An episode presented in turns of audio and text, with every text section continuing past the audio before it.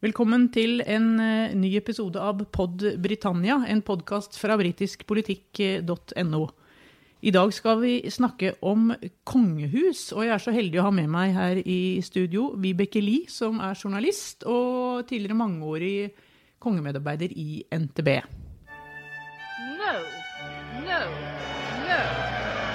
What we are asking is for a very large amount of our own money back. The choice is in your hands. We've had a meaningful vote. We had it in the referendum on 2016. Order! Ja, Vibeke, vi har jo Harry og Meghan i, eh, i Storbritannia, da, som ikke lenger vil være kongelig, i hvert fall ikke i første rekke. Hvor uvanlig er det de nå har gjort med å faktisk flytte til Canada og vel fraskrive seg eh, nesten en kongelig tittel? Akkurat det å flytte til Canada og fraskrive seg tittel, det tror jeg er ganske uvanlig i kongehusene.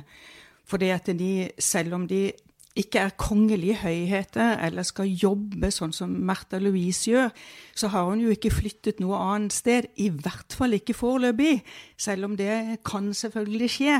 Så jeg tror det med Harry og Meghan er uvanlig. Og i hvert fall er det uvanlig i Storbritannia.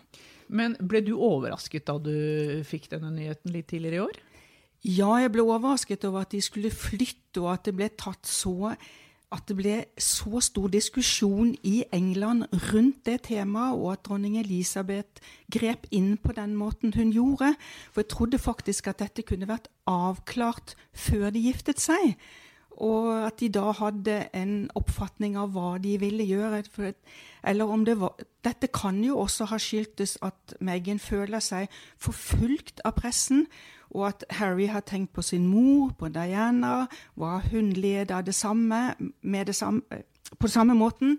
Så dette, det er, eh, Tankene har nok vært der, men at det har kommet så langt at de sender ut en pressemelding før dronningen var orientert, sånn som jeg har forstått det, det må jo ha vært veldig uvanlig. Mm. Harry har jo snakket mye om dette her med at, det er, eh, at han tenker på moren sin hver dag, og at eh, han er redd at det samme skal skje med Meghan og, og sånn, så det er vel helt klart at det er en årsak her. Ja, det, det, er jo helt klart at det er en årsak, men du vet, altså her var det jo en, en skilsmisse også eh, inne i bildet, og de har, disse her er jo veldig unge og helt, har helt nytt ekteskap. Det er jo ikke noe som har vart i mange år, og det har heller ikke vært noen tredje person eller fjerde person inne i bildet, sånn som det var med Diana og Charles. Så der tror jeg det er en veldig stor forskjell, men at han tenker på moren. Han var veldig ung da det skjedde, og han har jo sikkert et sånt veldig rosenrødt eh, bilde av sin mor, som kanskje hvis han hadde vært mer voksen, ikke hadde hatt det samme bildet en, eh, som, som han har nå, da. Så det er, eh, det er nok mange ting som spiller inn her. Harry han er jo bare er nummer seks til den britiske tronen. Altså, han er jo ganske langt nede. Hvorfor blir det sånn oppstyr da, egentlig? Ja, det har- han, det er jo liten sjanse for at han skal bli konge. Ja, det har jo jeg lurt på, for da må jo alle de andre rett og slett dø før uh, han kommer inn i bildet. Men altså, selv de norske kongelige er jo arvinger til den britiske tronen, men mye, mye lengre ut.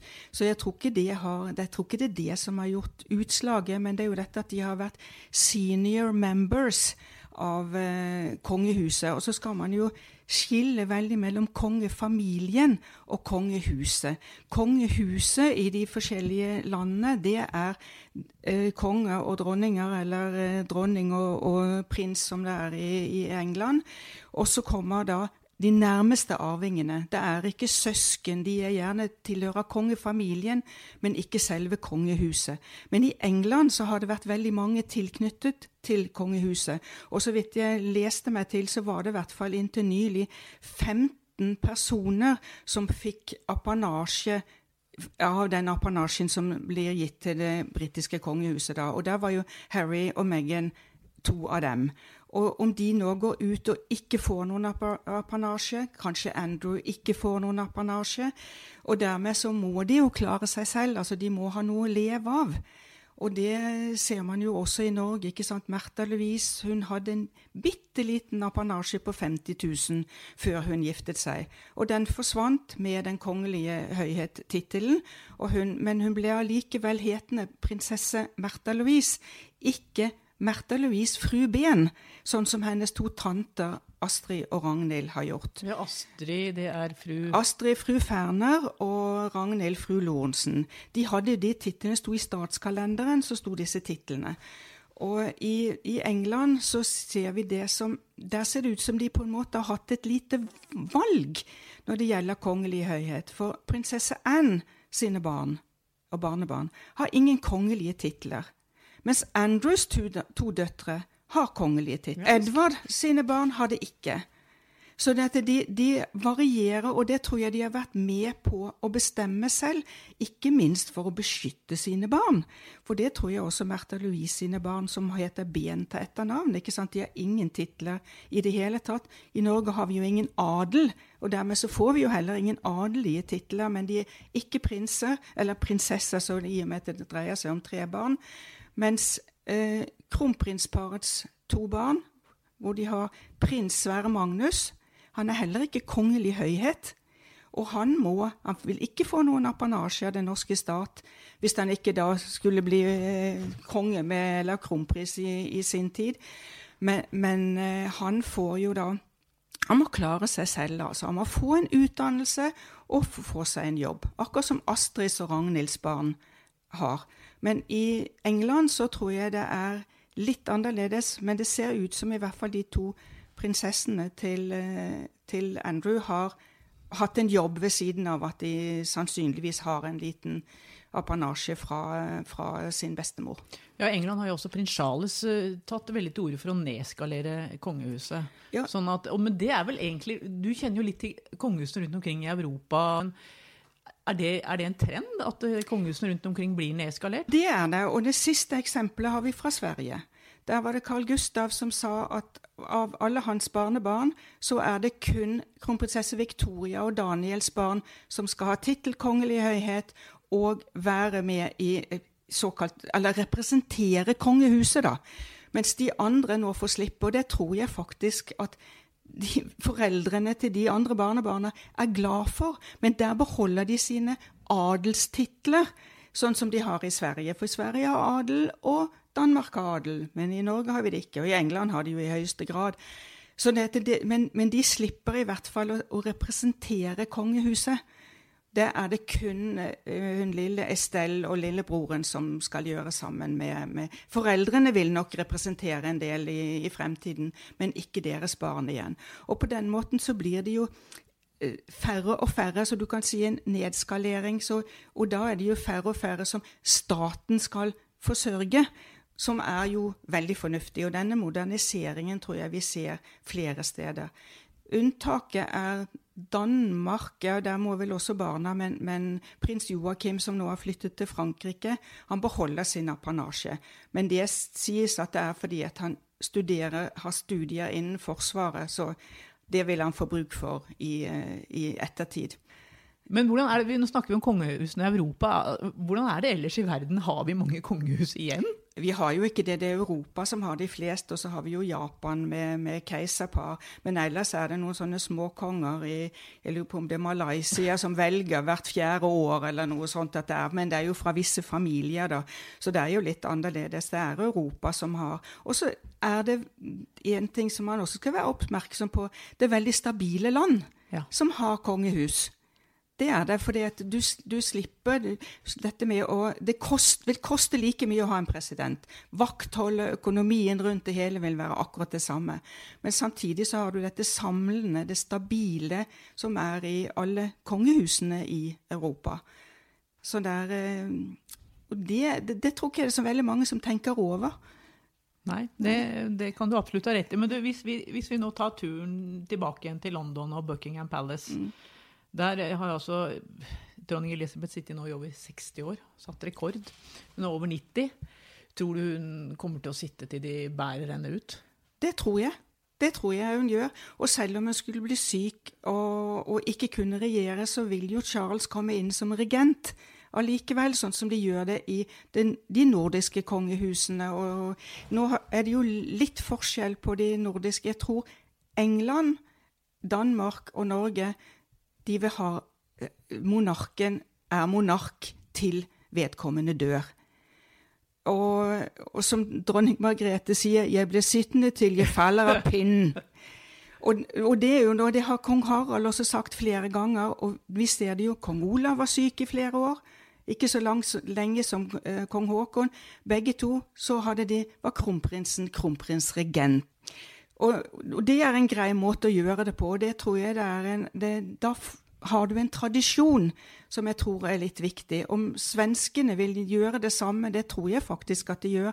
Kong Karl Gustav ble ikke konge før, før farfaren døde. Faren døde jo da han var bare to år gammel, men farfaren døde, og da ble jo han konge. Så det er, og selv om de er syke så, og ikke regjerer rent fysisk, så er de konge i navnet, mens regenten er i, i, kronprinsregenten er i, i gavnet. Men hva med Beatrix i Nederland, da? Hun abdiserte jo. Beholder hun da dronningtittelen? Nei, hun har tatt tittelen prinsesse. Oh, ja. Ja, men altså Hun ab- abdiserte, men det gjorde også hennes mor. Så de har en tradisjon for det. Det samme har de gjort i, i, eh, i eh, Spania, fordi at Johan Jan Carlos ble syk. Han brakk hoften, han orket ikke mer, så han ga videre til sin sønn. Luxembourg har gjort det, og Belgia har gjort det.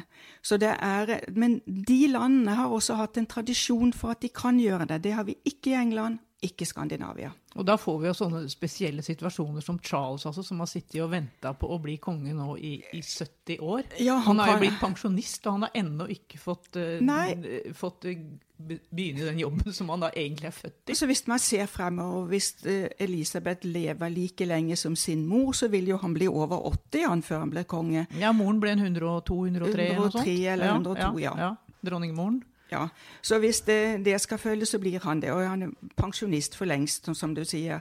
Men der kan jo William komme inn som hvis, hvis Charles sier nei, dette Nå er jeg for gammel. Tror du det kommer til å skje? At de kanskje kan hoppe over en, et, en generasjon der? Jo lengre tid som går, så tror jeg faktisk at det kan det. Men hvis det skjer inn for kort tid, så vil det neppe gjøre det. Fordi at han er tross alt småbarnsfar med tre småbarn, og en småbarnsfar skal få lov til å være pappa. Ikke bare konge, men få lov til å ta seg av sin familie. Mens, de, mens han har små barn, for det tror jeg faktisk er veldig viktig. Og da vil jo også hans kone få en helt annen rolle. Og det er eh, også veldig viktig at de får lov å være småbarnsforeldre så lenge de kan. Så jeg tror nok at Charles, hvis han føler at han er i stand til å, å levere på kongegjerningen, så vil han gjøre det. Ikke minst av hensyn til sin sønn og svigerdatter. Ja, skal vi snakke litt mer om eh, dronning Elisabeth, eh, Vibeke? For det har jo vært litt av en start på året for henne. Hva tror du egentlig hun tenker nå? Hvordan tror du hun har det? Først så ga altså prins Andrew dette skandaløse TV-intervjuet med BBC, og så får hun denne saken med Meghan og eh, Harry rett i fanget, som hun da må ordne opp i. Og nå er det jo to, eh, en nevø og et barnebarn som også skal skilles. Altså, jeg er bestemor selv, så jeg tenker på som bestemor så må det være helt fryktelig å oppleve dette med sine nærmeste. Og forferdelig trist. Og hun sier at hun gråter ikke offentlig, men jeg tror kanskje hun har felt noen tårer privat på dette. Og samtidig så skal hun passe på sin regjering, hun har brexit i fanget, og jeg tror ikke hun liker så godt det heller. Eh, For jeg tror hun er europavennlig, i motsetning til mange andre i, i Storbritannia. Men jeg tror at dette går faktisk inn på henne, og det går sikkert også veldig inn på prins Philip, som jo er av den virkelig gamle skolen. Altså jeg tror jo, Når du ser hva som har skjedd de siste årene, så har jo det britiske kongehuset modernisert seg litt. Altså, Man kan gifte seg med en som Charles kunne gifte seg med en som, selv om hans eh, Nå var jo hans kone død, men at de kan gifte seg selv om ektefellen ja. lever, lever sånn som Anne gjorde. ikke sant? Den forrige ektefellen levde, og, og hun fikk en ny ektefelle. Og, men det var jo ikke snakk om når det gjaldt prinsesse Margaret, som jo var den virkelig lidende i den familien. Og jeg tror at det må ha gått så inn på dronning Elisabeth at hun har jo sett det i ettertid at sånn kan vi slett ikke ha det.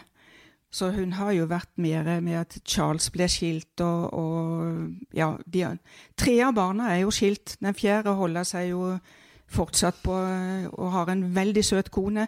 Og, en, og hun er jo den som virkelig Jeg følger litt med på, på Instagram og på kongehuset der borte på, på, Facebook. Og nå legger de ut veldig mye av det hun gjør. Altså hun Sophie, og hun er virkelig en som er veldig godt likt. Og tar en god del av belastningen fra dronningen og fra de andre. Mens hennes barn er jo litt eldre enn Williams. og Sånn at det er kanskje enklere for henne å, å, å drive litt representasjon for uh, dronning Elisabeth. Og ellers er jo prinsesse Anne den som virkelig har gjort mest av representasjonsoppdrag i den britiske kongefamilien. Og det var en av grunnene til at hun som faktisk for mange år siden ble utnevnt med tittelen Princess Royal. Og det er, det ikke en tittel, en tittel som henger meget høyt, og som hun ikke sannsynligvis vil gi til sine svigerbarn eller noen andre. Men, men, hvem er det som står nærmest det norske kongehuset av de britiske, da? Er det noen som er bedre venner f.eks. med ja, kronprinsparet? Vi... Det, det, er Edward. Den yngste. Er det pga. alder? Det er litt pga. alder, og litt fordi at han har representert en del blant, På OL på Lillehammer så var det Andrew, nei, var det Edward som, som, var der. Og da eh, kongeparet i jeg tror det var i 92 kom på statsbesøk til um, Skottland. Da hadde jo dronning eh, Elisabeth statsbesøk fra Norge i Skottland, ikke i England. Og da med Kongeskipet lå der, og den første som kom om bord på Kongeskipet, det var Edvard. Med OL-capsen, og fikk en kjempeklem av dronning Sonja. Så det var helt klart at de står veldig nært hverandre. Og at de har en del med hverandre. At jeg trodde de Charles tror jeg er mer fjern men så har du, det har du noe med alderen også. ikke sant? At det blir så veldig, det blir sånne mellomaldre. De, det, det, er ingen som er jevnaldrende. I Europa er de mye mer da, krom, Alle kronprinser og kronprinsesser er så veldig jevnaldrende og har dermed veldig god kontakt. Men Charles, som er i samme, samme situasjon, er mye, mye eldre enn dem. Mm. Han er jo i 70-årene, mens de andre er i 40-årene. Så det er, en, eh, det er, jo en, stor forskjell der. Så dette er en generasjonsforskjell. Mens de som er i Europa, har veldig mye kontakt seg imellom. Særlig de skandinaviske og Nederland. Skal vi vende litt tilbake til Harry og Meghan, som vi jo startet eh, med å snakke om. Hvordan tror du det at eh, det britiske folket nå kommer til å få se mindre av dem? Tror du det på noen som helst måte kommer til å påvirke oppslutningen om kongehuset? Jeg tror ikke det vil få veldig stor eh, påvirkning at de flytter til, eh, til USA eller Canada, eller hvor de blir bosatt. For du har jo tross alt Kate og William og tre barn der, og det er jo en stor slekt utenom også, så jeg tror nok at det vil bestå. Men det blir nok mer arbeid. De skal fordele pliktene på færre mennesker. Og det kan jo bli kanskje et lite problem, men da kan de jo trekke inn de litt fjernere. Som man ser med Edward og hans kone Sophie, så har jo de jobbet veldig mye i det siste. Sånn at det er jo eh, De har jo folk å ta av. Men hvorfor tror du egentlig det britiske kongehuset står så sterkt? Det går jo så langt tilbake, og det var jo Dronning Victoria hadde jo et, nærmest et verdensherredømme. Og nå er jo det blitt mindre, men de holder jo allikevel på disse Ikke koloniene, men altså Canada og Afrika og flere av disse landene som de jo Og Australia, ikke minst. Så, og det er jo populært, og jeg tror ikke dette er noe som forsvinner på, på kort tid. Eh, jeg tror det blir, Hvis kongedommene forsvinner i Europa, så blir i hvert fall det britiske eller det engelske det siste som vil forsvinne. Og jeg tror de har en stor oppslutning av folket også.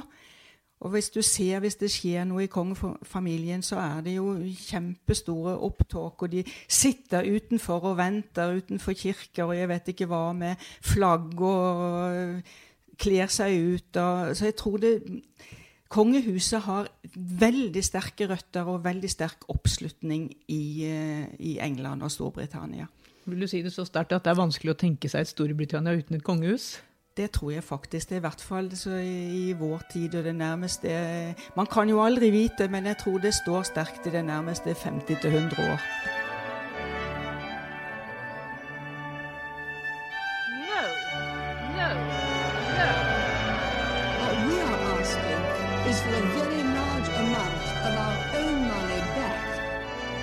choice is in your hands. We've had a meaningful vote. We had it in the referendum on 2016. Order!